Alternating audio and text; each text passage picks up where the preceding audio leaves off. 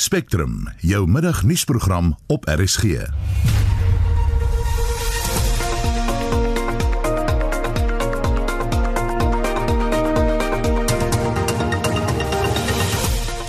'n vermiddag se program oud president Jacob Zuma kap terug na die Zondo-kommissie, die konstitusionele hof vra om hom tot 2 jaar tronkstraf te vonnis. He has accused the chair of the State Capture Commission, Raymond Zondo, of exploiting his proximity to the Constitutional Court. He said by approaching the Apex Court, Zondo wanted to ignore and sidestep serious issues he raised in his review application for his recusal. Zuma also questioned the impartiality of Judge Daya Pillay in the application. Ons praat met 'n voormalige regter van die konstitusionele hof hieroor en ook oor die woordetwis tussen adjunkhoofregter Raymond Zondo en advokaat Dalium Polfu. No legal practitioner, including Mr. Mpofu, has a right to begin to tell any other person in this commission to shut up. That power belongs to the chairperson of the commission, and even I will not use the words shut up. En 'n watertand raaisel hang oor tekens van olifante op Daer Eiland in Gansbaai. Goeiemiddag, ek is Susan Paxton. So bykans 10 minute oor 1 jy luister na Spectrum. Oud-president Jacob Zuma weier steeds om voor die Zondo-kommissie na staatskaping te verskyn, selfs al het die land se hoogste hof, die konstitusionele hof, beslis dat hy dit moet doen. Nadat die hof gister 'n aansoek van die kommissie oorweeg het dat hy tronk toe gestuur moet word vir minagting van die hof, het Zuma met 'n lang verklaring daarop gereageer. En ons praat nou met regter Johan van der Westhuizen wat voorheen in die konstitusionele hof gedien het. Goeiemôre Johan. Goeiemôre, goeiemôre. Help ons verstaan waarom die hof sou besluit om uitspraak hieroor voor te bou. Ek sê tog vra net weer. Help ons verstaan waarom die hof sou besluit om 'n uitspraak hieroor voor te bou. Uh wel die grondwetlike hof of konstitusionele hof behou gewoonlik maar uitsprake voor. Dit is baie selde wat dit by die feesheid onmiddellik gegee word. Daar's verskillende regters, dit moet bespreek word ensovoorts. So dit is uh dis gebruiklik dat uitspraak voorbehou word. In uiters dringende gevalle sal die voorbehouding vir 'n baie kort rukkie wees soos verkiesings en so voort maar hierdie is nou nie van daardie uh, dringendheid nie. En uh, watter verskil sou dit maak as Zuma wel besluit het om aan sy weet ook sy kant gister uh, te gaan stel daar in die hof? Wel, dit sou sy saak moontlik kon versterk, maar ek weet nie of dit te veel verskil sou maak nie. Die rede waarom hy besluit het om nie te opponeer nie, of uh, dokumente te leaseer nie is omdat hy daarmee legitimiteit gee aan die hof uh, jy weet in die anti-apartheid stryd tyd uh, was dit soms die uh, gebruik van um, jong ANC kamerade om glad nie die legitimiteit van die hof te erken nie. Met ander woorde, hulle het nie mense gekry om hulle te verdedig nie. Hulle wou nie getuienis lewer nie en sommige van hulle is eintlik vir dood veroordeel in die proses. Ehm um, 'n ander teenoorgestelde strategie was juis om die hof te gebruik om jou saak te stel. Dit is wat Mandela byvoorbeeld gedoen het. So of dit veel verskil in die uitspraak sou maak, weet ek nie. Dit sou wel legitimiteit aan die hof gee. Zuma het besluit om eerder die hof en die hele Suid-Afrikaanse regstelsel eintlik alle howe voluit aan te val, 'n totale aanslag op hulle te lood, soos wat hy nou in sy lang ehm um, onsamehangende en eintlik bietjie belaglike verklaring gedoen het. Hm. Hy volhard, Zuma volhard in sy verklaring byvoorbeeld daarmee dat regter Zondo die regter in sy eie geding met die oud president is en hy kritiseer ook regter Pillay wat een van die nege regters op die bank was gister. Wat sê jy daarvan?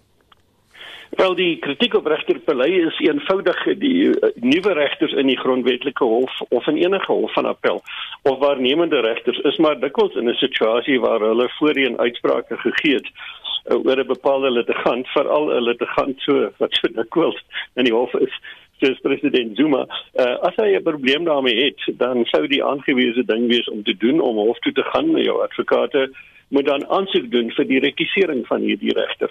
Uh, die toets is as daar 'n moontlikheid is vir vooroordeel of selfs net 'n redelike persepsie van vooroordeel. So hulle moes dan eenvoudig aansoek gedoen het dat regter Pillay haar onttrek. Uh, dit help nie om na die tyd dit te kom sê in 'n in 'n persverklaring nie. Dit is dit is bloot kwaadwillig. Hoe behoort die hof teen hierdie spel of strategie van die hoë profiel beskuldigde beskerm te word? Wel, dit is dit raak nou baie ernstig. Ek het vroeër gesê op hierdie stasie en ook andersins, dit is nie 'n grondwetlike krisis nie. Want Zuma is nie president nie. Dit is nie die president in die hof of wat ek al nie. So dis nie 'n grondwetlike krisis nie, maar wat dit wel is, is dit is 'n persoon met moontlik heel wat invloed. Mense weet nie hoeveel nie. En met mense soos Karel Neus en en ander ehm um, ouens vir wie ek nou nie graag uh, lelike name op die lig wil gee nie, wat wel probeer om die hofstelsel te diskrediteer. Uh, Zuma het vir jare die hofstelsel misbruik. Uh die die die, die uh, beskerming wat die reg gee aan mense, aan litigante, aan beskuldigdes ensovoorts met 'n goeie doel, het hy lank probeer misbruik hy en sy regsgeleerdes met uitstelle en tegniese punte en alsulke soort van goed. Dit uh, werk nou nie verder nie, so wat het nou oorgeskakel na 'n volskaanse aanval op die legitimiteit van die howe. Dit kan baie gevaarlik wees as genoeg mense vir hom luister. 'n Hof self kan nie veel daaraan doen nie. Al wat die hof kan doen, wat enige hof kan doen, is om behoorlik beredeneerde uitsprake te gee om jouself skoon te hou van enige moontlike aanklagtes van korrupsie of enige iets soos dit. En dan verder hang dit af van die van die leiers van die land en van die demokrat, demokratiese gees van die mense of hulle uh, hofuitsprake op die langtermyn gaan aanvaar. Of kan nie veel doen anders as om sy kant skoon te hou en goeie beredeneerde uitsprake te gee nie. Maar jy het nou net vir my gevra voor jy oor die regterpille ene daar was nog 'n 'n ander deel van daai vraag. Die is, oor wat was... hy doen van wat hy verwag van van Zondo. Ja. Ja, kyk oor die feitelike geskille tussen hulle kan ek my nie uitlaat nie of hulle nou vergaderings gehad het of nie. Uh, die vraag is natuurlik wat wat daarvan as dit nou so sou wees. Uh, hoe kom vooroordeel daar uit na uit? Wat wat ek nie mooi verstaan nie is hoe hy wil hê regter sonder sonder moet hom onttrek. Dit is 'n eenman kommissie. Ek weet nie of dit eers moontlik is maar ek praat dalk uit onkunde vir 'n regter in 'n eenman kommissie om te onttrek en dan moet nou moet hy nou net vir daai stukkie getuienis deur 'n ander regter vervang word. Dit klink vir my onsinnig. Wat mense hiermee saam moet onthou is dat sonder so 'n kommissie is nie 'n hof nie. So hy kan nie vir Zuma vir Zuma skuldig bevind aan enige iets nie. Hy kan bloot negatiewe bevindinge teen hom maak, maar vir sonder om eventueel op grond van daardie bevindinge uh tronk toe te gaan of so iets dergeliks is 'n behoorlike strafverhoor nodig. So hy kan in ieder geval sonder sy verslag wanneer dit ook al sou uitkom op hersiening neem na of en indien dit uit die verslag blyk dat Zondo se bevindinge nie ooreenstem met die getuienis wat voor hom gelewer is nie of dat hy vir vir Zuma of enige iemand anders onbillike vrae gevra het ensovoorts dan is dit iets wat op hersiening na hof geneem kan word. Ek ek kan nie regtig sien hoe 'n regter uit 'n eenman kommissie homself kan onttrek en wie hom dan sou vervang nie. Hm. Goed, wat ons ook gesien het gister is dat regter Zonde as voorsteur van die staatskapingskommissie sy misnoot duidelik gemaak het met die optrede van advokaat Dali Mpofu. Kom ons luister gou na die klankgreep van Zondo hieroor. Yeah. No legal practitioner, including Mr. Mpofu, has a right to begin to tell any other person in this commission to shut up. That power belongs to the chairperson of the commission, and even I will not use the words shut up. That conduct is unacceptable to this commission, and it is important that the public and other legal practitioners should know that this conduct is not acceptable. Jou reaksie hierop. Ja, ek stem 100% saam met regter Zondo se se oortuiging, sy uitspraak daarso, ehm um, sy kommentaar. Ehm um, advokate daar is streng reëls in howe oor wanneer advokate mekaar in die rede val ensovoorts. Ehm um, en daarbey moet gehou word alhoewel die kommissie nou nie streng gesproke hof is nie. Maar om vir mense te sê hulle moet shut up is uiters ongehoord en ehm um, regter Zondo sou verder kon gaan. Hy sou vir hom kon gesê het as jy dit nou weer doen, dan moet jy asseblief hierdie forum verlaat of kom sien my in my kantoor uh, of so iets dergeliks. Maar dat dit vol, volkome uh, onaanvaarbaar is en dat dit 'n baie swak beeld skep by die publiek is is korrek. Regter Zondo is korrek. Ehm um, advokaat Pofu is een van daardie advokate as ek dit probeer diplomaties stel wie se hoë reputasie en fooie dalk nie ooreenstem met sy ehm um, bekwaamheid in 'n hof nie as ek dit as ek nou saggies kan stel. En uit uit die aard van die saak dit lyk my kwaad geword sy hele strategie was gewees om met wilde beskuldigings van myn eet en rasisme ensovoorts ehm uh, te probeer om in 'n sekere politieke uh narratief om 'n moderne woord te gebruik in te speel waar Indiërs soos uh, meneer Gordon uh, dikwels uitgebeeld word of beskuldig word van rasisme teenoor Afrika um, swart mense. Maar of of of of Gordon se getuienis nou goed is of nie kan ek my nie oor uitspreek nie. Maar ehm um, daar is niks meer verkeerd vir van zon, van uh, Gordon se regsverteenwoordiger om weer die rasisme kwessie of beskuldigings op te haal nie en dit was volkome onaanvaarbaar vir Mpofu om op daardie manier daarop te reageer. Kan dit wees dat daar 'n minagting van die regbank onder sekere gedeeltes van die bevolking kan wees of selfs 'n politieke groepering? Dis 'n baie groot vraag um, en 'n baie moeilike vraag. In die apartheidjare het die RGN selfs bevind dat die regstelsel 'n groot legitimiteitskrisis beleef het. Um, maar daar was natuurlik baie verstaanbare redes voor. 'n Mens moet daarmee daarvoor baie oppas. Ehm um, wanneer die publiek vertroue verloor in die howe, wanneer 'n persepsie geskep word dat regters korrup is, soos wat meneer Neus en meneer Zuma nou hard probeer doen. En ongelukkig is daar dalk hier en daar 'n regter wat vir hulle rede gee. Um, dat dit is uiters gevaarlik. Lande in Afrika en elders in die wêreld het situasies gesien waar die hele stelsel korrup word. Um, in Kenia byvoorbeeld het as ek vertel deur 'n regter dat as dat 'n 'n kliënt hoef toe gaan saam met sy prokureur. Die prokureur wanneer die regter instap sê vir die kliënt: "Sien jy hierdie regter? Die enigste manier wat ons hierdie saak kan wen is om die regter om te koop." Die reg die kliënt sê: "Wel, as jy so sê, hoeveel?" Uh en hy betaal. Die dag wanneer die uitspraak kom, dan is die uitspraak teen hulle. Die kliënt vra vir die prokureur: "Ehm um, ek dog jy het gesê as ons hom betaal gaan die uitspraak in ons guns wees. En dan sê die prokureur nee maar ek dink die ander kant het hom meer betaal. In die, intussen is die regter glad nie omgekoop nie. Die regter het 'n eerlike uitspraak gegee. Maar hierdie persepsie dat regters omgekoop kan word raak so algemeen dat dit 'n hele bedryf op sy eie word dat prokureurs daai geld maak en ensovoorts. So dit is uiters gevaarlik. Ek dink die regering die leierskap die president, minister van justisie ensovoorts uh, moet die regbank verdedig en aan die kant van die regbank moet hulle alles in hulle vermoë doen om hulle kan skoon te hou. En soos ek vroeër gesê het, dit beteken deeglike beredeneerde uitsprake gee en enige situasie vermy waar 'n konflik van belange of die wisseling van geld selfs met familielede ensovoorts waar dit hoegenaamd ter sprake kan kom. Anders gaan ons 'n probleem hê. Baie dankie. Dit was regter Johan van der Westhuizen wat voorheen in die konstitusionele hof gedien het.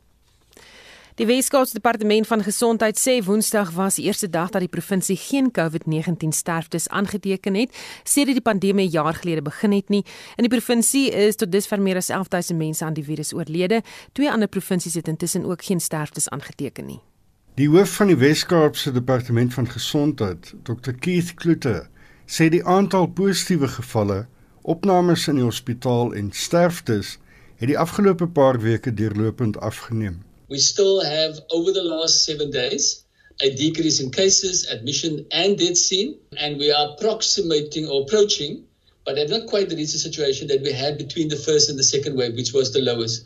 Our proportion positive is 5%. Klute sê 36000 gesondheidswerkers in die provinsie het tot dusver die COVID-19 inenting gekry. Die entstowwe wat toegedien is, is deel van kliniese toetse. Die provinsie beoog om ongeveer 130 000 gesondheidswerkers tydens fase 1 in te ent. Die Weskaap het reeds ongeveer 44 000 dosisse van die proefentstof ontvang. Is sê hulle hoop om teen einde April alle gesondheidswerkers in die provinsie in te ent. It is anticipated that we will cover 50% of all healthcare workers with the limited doses we've been getting. And we are now preparing to scale up vaccination during April to complete phase one. So we want to vaccinate the remaining 50% of healthcare workers in April with an expected delivery of sufficient Pfizer doses. Die Weskaapse regering het mense versoek om nie COVID-19 superverspreidingsgeleenthede gedurende die Paasnaweek by te woon nie. Premier Allan Windey het 'n beroep op inwoners gedoen om steeds streng veiligheidsprotokolle na te kom om die verspreiding van die virus te beperk. Every one of us have a responsibility right now. Our numbers are looking good, so please let's keep it that way. Please make sure that uh, keep it small, avoid those crowded areas. Make sure we keep to our mask, sanitizer, uh, social distancing. We all know what to do. Let's not be part of creating a super spreader event this Easter weekend. Make sure that uh, we are all taking that responsibility very, very seriously. If we do that, we can push out uh, this third wave as far as possible. Die Weskaap het gister intussen een sterfte aangeteken. Twee ander provinsies, die Oos-Kaap en Mpumalanga, het gister geen sterftes aangeteken nie. Limpopo het daarteen 71 sterftes aangeteken, Noordwes 37 en Gauteng 24. Die Noord-Kaap het 16 sterftes aangeteken, die Vrystaat 9 en KwaZulu-Natal 5. Hierdie bydraes met die hulp van Kobben August in Kaapstad saamgestel. Ek is Hendrik Martin vir SAK nuus. Die minister van polisie, Bekkie Cele, het vroeër in die parlement gesê dat hy dink daar moet nog 'n amnestieperiode ingestel word vir vier wapenlisensiehernuwings. Dit was na aanleiding van 'n vraag en antwoord sessie in die parlement. En vir die jongste daaroor praat ons nou met Fred Kamfer van die SA Jagters en Bewaringsorganisasie. Goeiemôre Fred. Hallo Susan, hoe gaan dit met julle? Met my gaan dit goed, maar sê vir my is daar toe 'n amnestieperiode afgekondig na sy opmerking? Nee, die die minister moet 'n hele pad loop om amnestie goedgekeur te kry. In beginsel moet hy 'n skriftelike aansoek by die parlement indien om amnestie goedgekeur te kry en hy moet die konsepregulasies wat die amnestie sal afkondig en ook die terme en voorwaardes van die amnestie moet hy aan die portefeulje komitee op polisie voorlê wat as hulle dit goedgekeur het dan dit aanbeveel na die parlement toe en dan kan die parlement dit goedkeur. So dis 'n hele proses wat afgehandel moet word. Dis nie sommer net vir 'n amnestie afkondig nie. Hoe ervaar julle die hele proses op die stadium? Uh kyk met die amnestie wat ons gehad het wat einde Januarie ten einde geloop het, is daar volgens die polisie so omtrent 84000 wapens ingehandig. En 'n goeie 2/3 daarvan is daar weer aansoek gedoen vir lisensies. Dit maak 'n nagmerrie. Ehm um, op die 14de Februarie al het die ehm um, sentrale vuurwapenregister 'n persverklaring vrygestel waarin hulle sê dat hulle tyd om lisensies te oorweeg is nou 120 werksdae. Die aanvanklike ooreenkoms wat hulle met die parlement gesluit het was dat dit 190 kalenderdae sou wees. 120 werksdae is 6 maande. Ons ervaring is dat as jy enigsins in korter as 'n jaar nou 'n lisensie kry, is jy gelukkig maar jy moet weet jy gaan ten minste 6 maande wag. Daar's massiewe vertragings. Sjoe. Goed, julle volg die kwessie baie nou gesê, wat is julle volgende stappe? Weet jy vir die oomblik is daar nie vreeslik baie wat 'n mens kan doen nie. Uh die portefeulje komitee op polisie is nie baie gelukkig met die polisie se optrede en die syfers van wapens wat ingeneem is wat hulle in Februarie aan die komitee rapporteer het na die amnestie gesluit het nie. Ehm um, ons ons hou maar dop wat gebeur, maar daar's in effek baie min wat jy kan doen behalwe om te begin met hofaansoeke om die polisie te dwing om vinniger te prosesseer, maar hulle het ook maar beperkte kapasiteit. Hulle kan nie veel meer doen nie. Ehm um, dit dit gaan maar lank vat. Ja. Baie dankie. Dit was Fred Kamfer van die SA Jagters en Bewaringsorganisasie. Jy luister na Spectrum. Ja, soos jy al gehoor het, 1327 en jy luister na Spectrum. Die vervoerkoste van olietanksskepe het die afgelope week byna verdubbel en verskeie skepe is by die Suezkanaal in Egipte weggewys.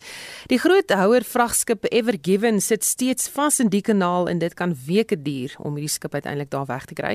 Ons praat met Dr. Rolof Botha, ekonom van die Optimum Beleggingsgroep. Goeiemôre Rolof. Goeiemôre julle. Sommige bronne sê dat die versperring van hierdie kanaal tot 12% van wêreldhandel kan beïnvloed en soos ons sien, het dit eh, skynbaar reeds invloed op ten minste oliepryse. Is dit werklik so 'n belangrike deurgang vir wêreldlande? Ja, dis uh dis nogal rof. Ek het 'n vinnige berekening gemaak. Elke uh elke 6 minute wat daai vertraging voortduur. Elke 6 minute is gelyk aan Suid-Afrika se BBP vir 'n volle dag. Dit is dit is verstommende syfers. uh wat hier ter sprake is. Dit kan beslis um, 'n probleem veroorsaak want daar's reeds in verskeie bedryfstakke uh internasionaal is daar so waardeketting uh ontwrigtings weens weens COVID en weens die baie vinnige herstel van die wêreldekonomie en hierdie uh is soos um met olie vier. Wat doen dit aan die koste van vervoer en beskikbaarheid van produkte? Dit gaan uit die aard van die saak uit gaan hierdie vertraging uh kostes verhoog, maar ek verwag nie dat dit uh teen die agtergrond van inflasie wat uh, net so bo kan nul is uh in meeste Europese lande. Uh kan dit onmoontlik nie 'n geweldige groot probleem veroorsaak nie want vraagtoestande is nog nie presies waar hulle was nie. So die tydsberekening is miskien relatief goed. As hierdie ding gebeur het uh, voor Covid dan sou dit waarskynlik 'n baie erger impak op inflasie gehad het. Het dit 'n impak op Egipte self? Ja, ek het vinnig uitgewerk die Suezkanaal dra 1.5 persentasiepunt tot ehm um, uh tot Egipte se BBP toe. Nou as mens net kyk die, die landbousektor in Suid-Afrika is 2.5 persentasiepunt van BBP. So dit is 'n baie baie belangrike sektor en en hulle huil beslis. Ehm uh, hulle is besig om elke elke, elke minuut is hulle besig om inkomste te verloor en dit is nie goed vir hulle ekonomie nie. Kan dit iets vir ons in Suid-Afrika beteken dat ons dalk byvoorbeeld 'n alternatiewe roete word?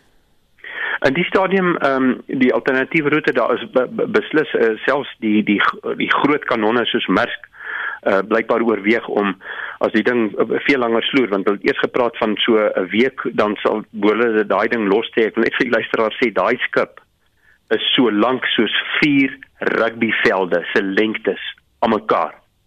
Uh, dit is 'n ongelooflike ding. Daar's 20000 van hierdie reuse vraghouers bo op daai ding en hy lê skuins in daai kanaal. Dit is om daai ding los te kry. Nou praat hulle hierso van etlike weke. So as dit die geval gaan wees, dan sal hulle beslis die roete om die Kaap moet vat. Dit gaan die organisasie 'n bietjie meer geld kos as in in die mate wat hulle by ons hawes gaan aandoen uh, as hulle daar kan inkom en daar's ook maar nou en dan 'n blokkade, uh, kan dit selfs 'n uh, geringe positiewe impak op ons ekonomie uitoefen.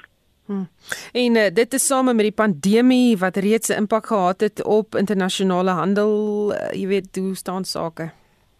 Wel, uh, daar is van die uh, hoër toegevoegde waardeprodukte wat ook nou nie so swaar is nie, wat, wat nou reeds uh, dit is nou produkte wat beskip sou deur die Suezkanaal gegaan het op daai roete wat nou nou maak hulle planne met vragvliegtye uit die aard van die saak uit en van uh, afhangende van waar dit kom in in Suidoos-Asië uh, sal hulle beslis sal daar beslis meer uh, seeverkeer in die volgende week of 2 3 om om die om die Kaap wees. Ek het geen twyfel daaroor nie.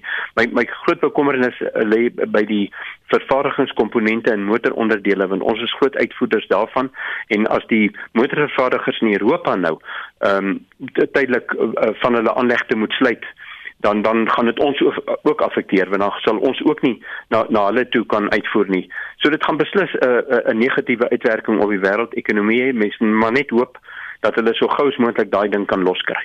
Dink hulle kort 'n groter uh, stootskraper of so as ek na die foto's kyk van daai skip en daai uh, enetjie wat hom daar probeer uitgrou. Baie dankie. Dit was Dr. Rolf Botha, ekonom van die Optimum Beleggingsgroep. Jy luister na Spectrum elke weekmiddag tussen 1 en 2.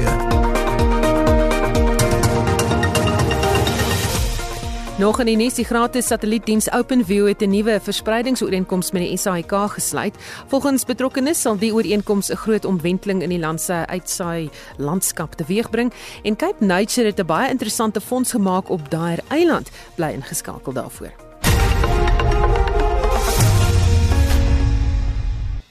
Die Sonskynreeks se Serengeti uitnodigingstoernooi vind tans by die Serengeti Golfland goed aan die Oosrand plaas en ons praat nou met Pieter van der Berg vir die jongste. Goeiemôre Pieter.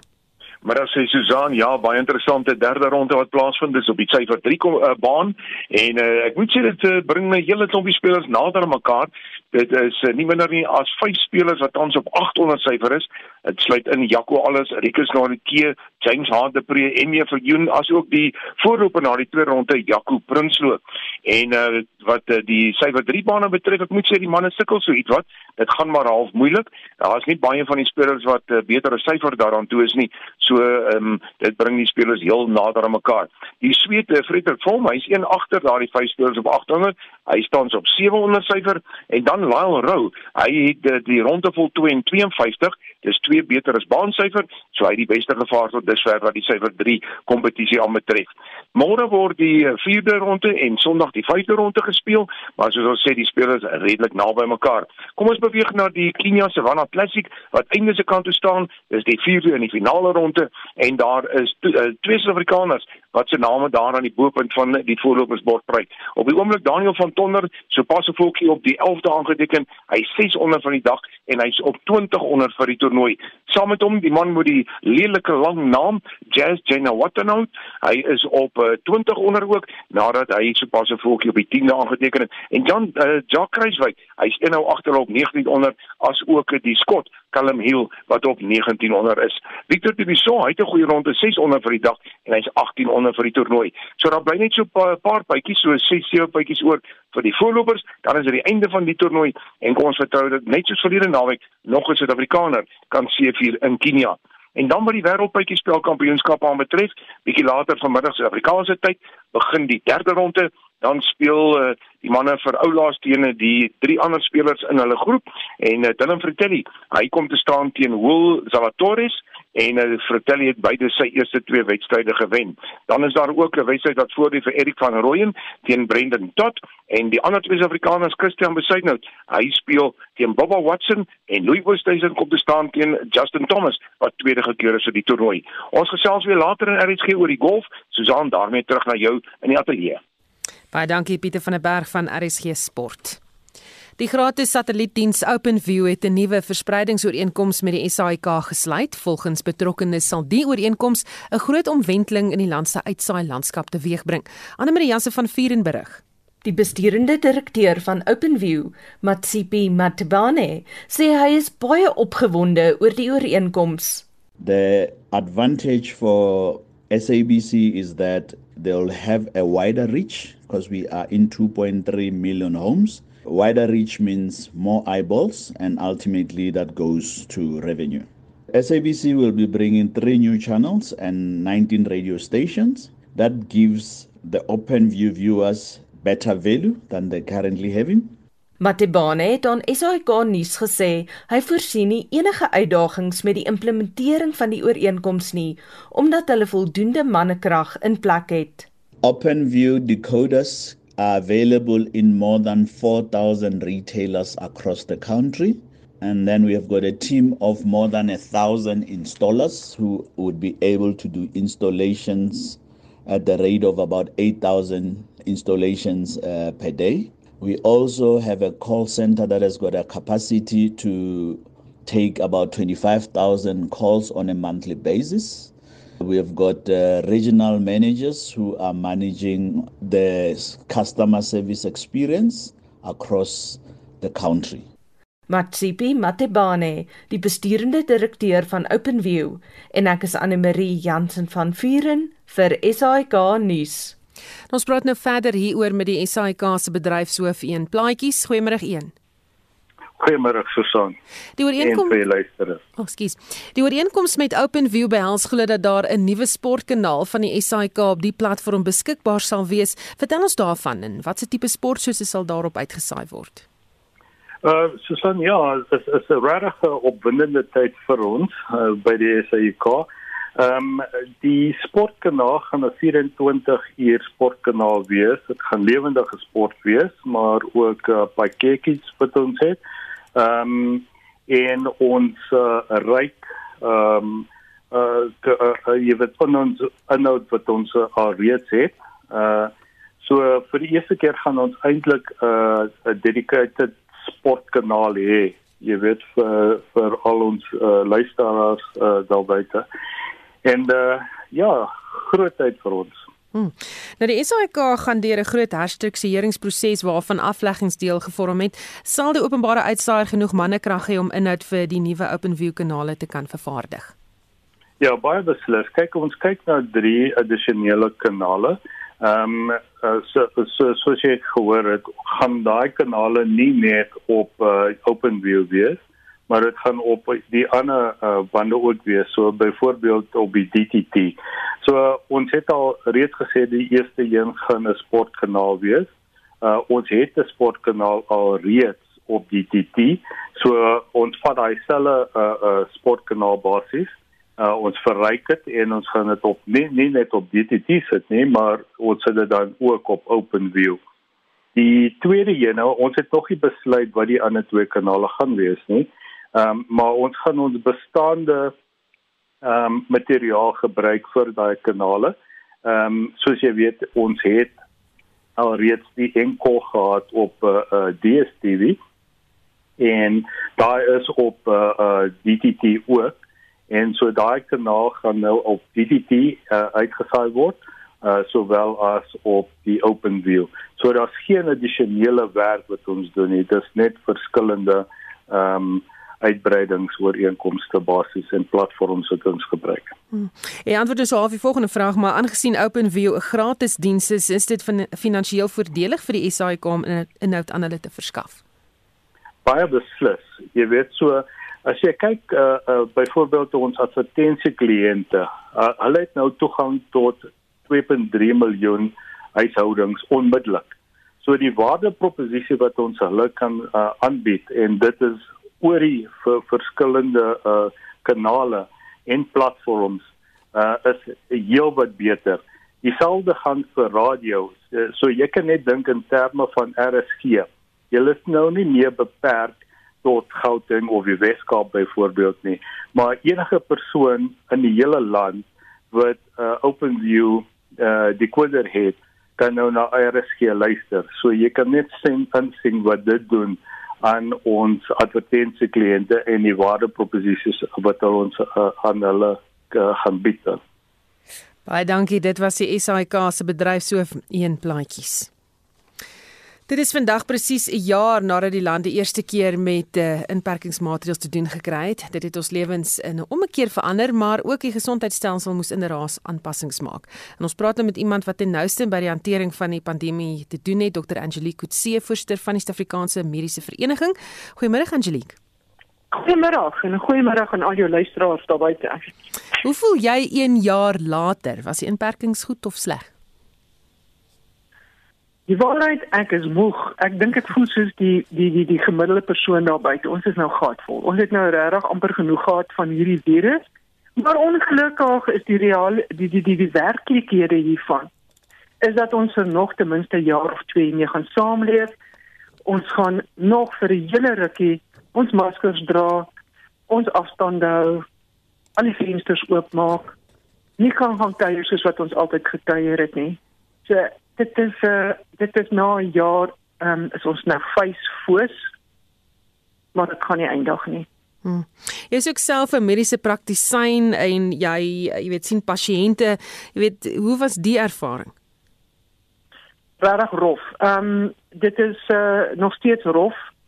Die ehm um, Desember was slek seker een van ons slegste tye geweest. Daar was baie mense wat siek was. Jy moet in die families kyk jy sit en luister, jy hou saam as jy hoor wat in die hospitale gebeur, hoe hulle geliefdes verloor. Um en nie ongaanbaar sê dit nie. Ek ek dink daai daar daar nie afsluiting is nie. Is een van die slegste goed wat daar is en dan gaan nou jy begrafnis en daar is niks, want um meeste van hierdie mense word veras of um die wat die die die die, die lyke is nie altyd beskikbaar um wanneer die begrafnis gehou word nie. So dit is sulke onnatuurlike omstandighede en dan weet van die dokter se kant af. Ons het gesê ons gaan selfmoorde begin sien. Ons het gesê ehm um, dat ons gaan 'n uh, hoër insidensie kry van depressie as ook angsaanvalle ehm um, of angsversteurings. En dit is definitief daar.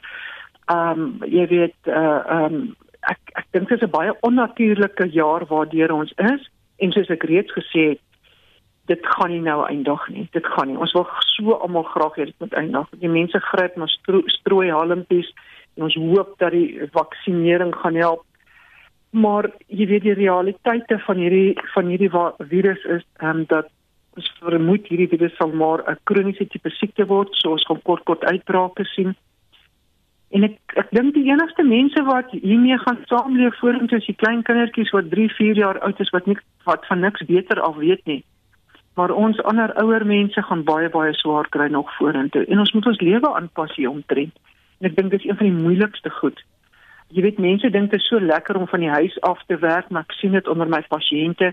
na 'n jaar die eensaamheid om by die huis te sit en werk, die ehm um, die gebrek aan ander mense om jou ehm um, die die die feit dat mense wat van die huis af werk eintlik harder werk en dan al hierdie ehm um, vergaderings wat deur die die die, die verskillende media platforms gedoen word. Ek uh, ek het so gesegde wat ek sê it's not death by chocolate anymore, maar death by Zoom. Um, en ek dink dit is ook besig om om sy tol te eis.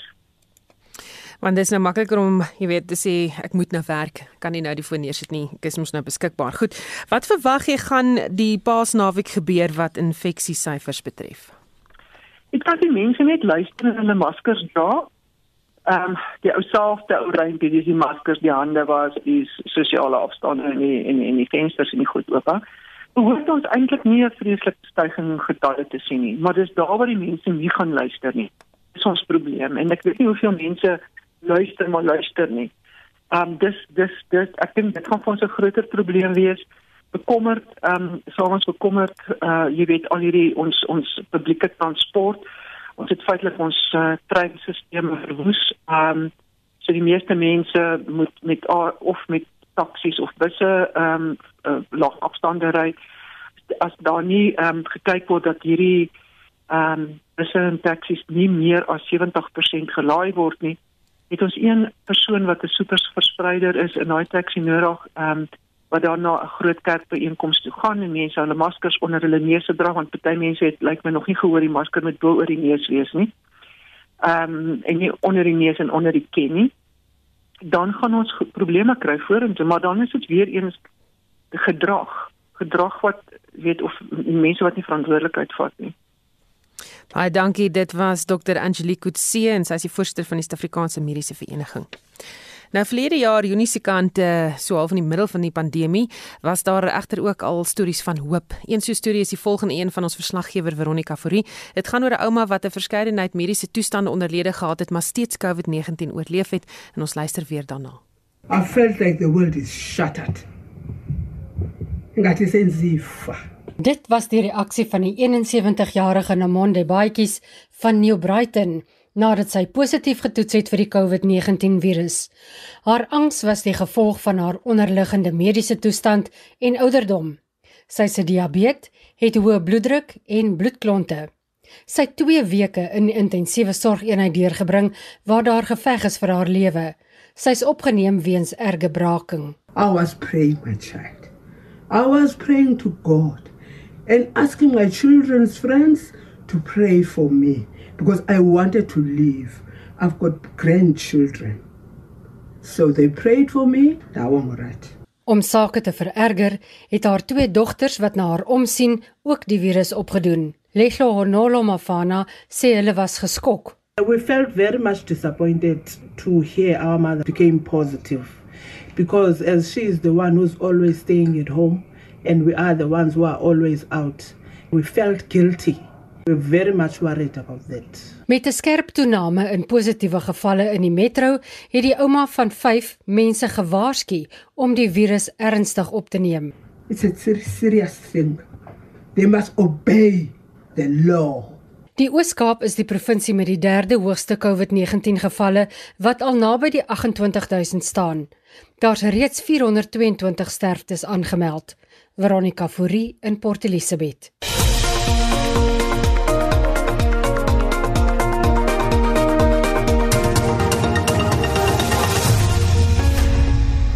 1351 jy luister na Spectrum. Owerhede in Noordwes het tot die 23ste tyd gehad om die uitstaande rekening te betaal vir die Koster Rioolwerke. Dit nadat die gemeenskap van Koster onder die vaandel van die Getleng Rivier besorgde inwonersvereniging die hof genader het om die rioolwerke te herstel en in stand te hou. Die Hooggeregshof in Mbato het die bevel toegestaan en gesê dat die munisipaliteit sy konstitusionele verantwoordelikheid minag deur nie behoorlike dienste te lewer in die gebied nie. En ons praat nou met Willie Jones, sakeman in Koster wat herstel van die water en die rioolwerke dryf. Goeiemôre Willie. Goeiemôre Susan, hoe gaan dit daar by jou? Met my gaan dit goed, maar ek wil graag weet is julle rekening wat julle gestuur het aan die plaaslike owerhede daar al vereffen? Nee, kyk, daar was ooreengekom 30 dae na staat en omdat Februarie net 28 dae het, het dit nou 'n loophole, so toe moes dit eintlik die 16de gebeur en toe die 28ste en toe staar 'n ooreenkoms bereik met die regsouens en dan die betrokke rolspelers van die regering dat hulle dan teen die 23ste dit was nou dins ehm um, ek dink dinsdag sou hulle dan ons rekening vereffen het en as hulle dit nie doen nie volgens die ooreenkoms wat dan bereik is sal ehm um, ons dan weer beheer terugvat van die van die van die aanlegte en uit die aard van die saak dit toe nou gebeur 23ste het gekom en gegaan en ons het weer beheer gevat van die van die water riool pompstasies die hele die hele storie soos dit is so ja nee ons het nog nie geld gekry nie Nou sê dit die dag wat jy die aanleg teruggegee, dis nou lyk like my die 18de. Dis ook tydens 'n groot funksie wat gereël is deur die plaaslike regering daar tot en met die 23ste. Is die plek in stand gehou of was dit terug na normaal? Nee, ons het die plek in stand gehou. Ek meen ek het soveel komplimente gekry van die tesourier en van die ouditeur-generaal en sulke mense. So ons het hom in stand gehou, maar vanaf die die 18de tot die 23ste. Weet jy ek wil nie lelik wees maar die mense wat daar moes die plek ran was was vrouens wat lyk soos girls wat op 'n op 'n loopplank in in in 'n in 'n modeskou moet wees lang naals en dit. So dis onregverdig om van hulle te verwag om die plek te hardloop. En en weet jy ongelukkig ons moes en is moeilik ons moes in 'n oorsig goedanigheid daar wees want ons ons het mos nou sê ons gee oor. En jy sien mense doen verkeerd maar jy mag hulle nie help nie want dit is nie jou doel daar nie om net oorsig doen. En die 23ste die aand toe ek daar was toe loop daar weer die wil by een van die manholes uit wat na die dam toe loop so die ding hele ding het in 5 dae se tyd weer verval wat wat groot kostes is om dit om dit weer terug te kry na normaal. Dit is jammer. Dit hoef nie so te wees nie. Hm. Sê vir my, hoeveel skuld hulle julle en wat is die pad vorentoe? Kyk, ons totale rekening ek moet dit nou in perspektief plaas, dis regskoste, daar is projekte wat ons of herstelwerk waar ons mee besig is. So die hele dit wat ons spandeer het, dit wat nog moet in plek kom en dit praat hy 15 miljoen rand. Ehm um, dit is net om alles weer terug te kry, maar weet jy wat vorentoe gaan dit baie minder wees en ons sal graag wat ek as besigheidsman wil sien, ek wil graag hê dit moet so gebeur dat hierdie ding volhoubaar is. Ek wil nie 'n verleentheid of ehm um, KDS die Koster Derby swart riggings ehm um, uh concerned citizens. Ons wil nie 'n verleentheid wees vir iemand in die regering nie. Ons wil 'n oplossing bied. Ons wil 'n volhoubare oplossing bied.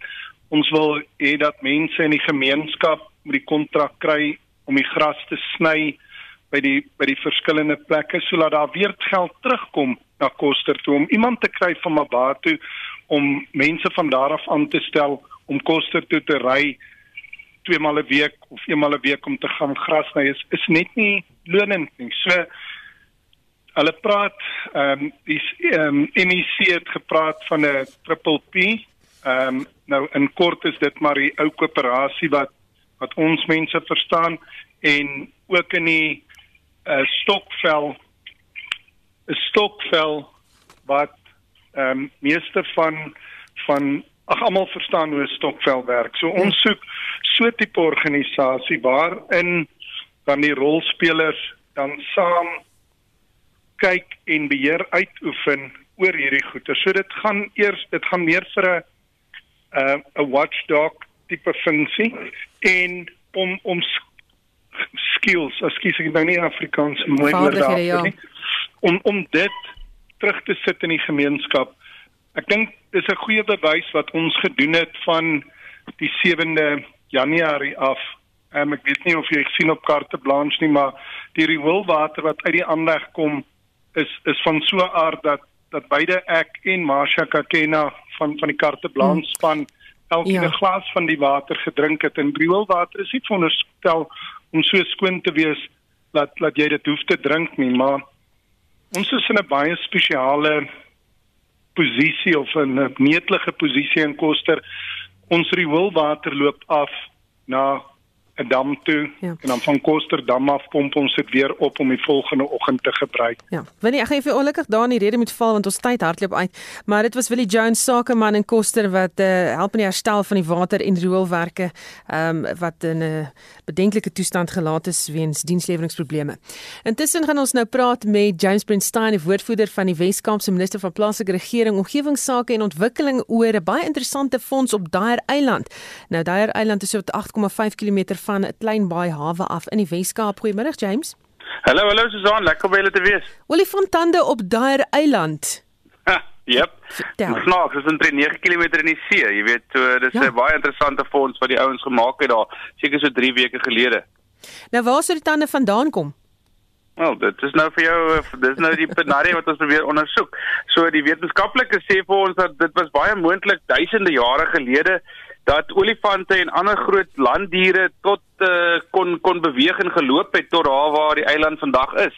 Jy weet so af, af as hulle nie geswem het meer onlangs nie dan is dit maar seker die storie wat ons nou maar moet probeer bewys. Dit sê vir my hoe belangrik is die fonds?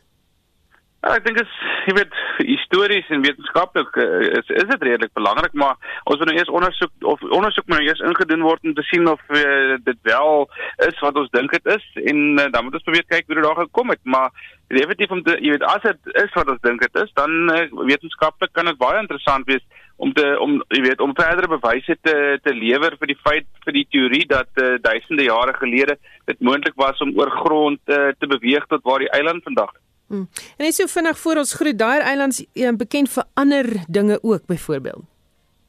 Ander dinge, die guano praat jy van of praat jy van die haie en die Ja, haie. Kyk ja, kyk is die skry die olifante doen dit nie vandag hier want uh, dan het ons baie meer haie aktiwiteit in die in die omgewing gehad, maar natuurlik is die olifant se vel ook baie dik. Ek weet jy gaan hy uh, moet skerp dan nodig hê om deur om te deur om te sny. Lekker snoep happy vir die haai daar. Nou ja, baie dankie James Weinstein, die woordvoerder van die Wes-Kaapse minister van plaaslike regering, omgewingsake en ontwikkeling wat gesels het oor die olifantande wat op daai eiland gevind is deur eh, lede of personeel van Cape Nature. daarmee groet die Spectrum span vir vanmiddag. My naam is Susan Paxton. Geniet jou naweek.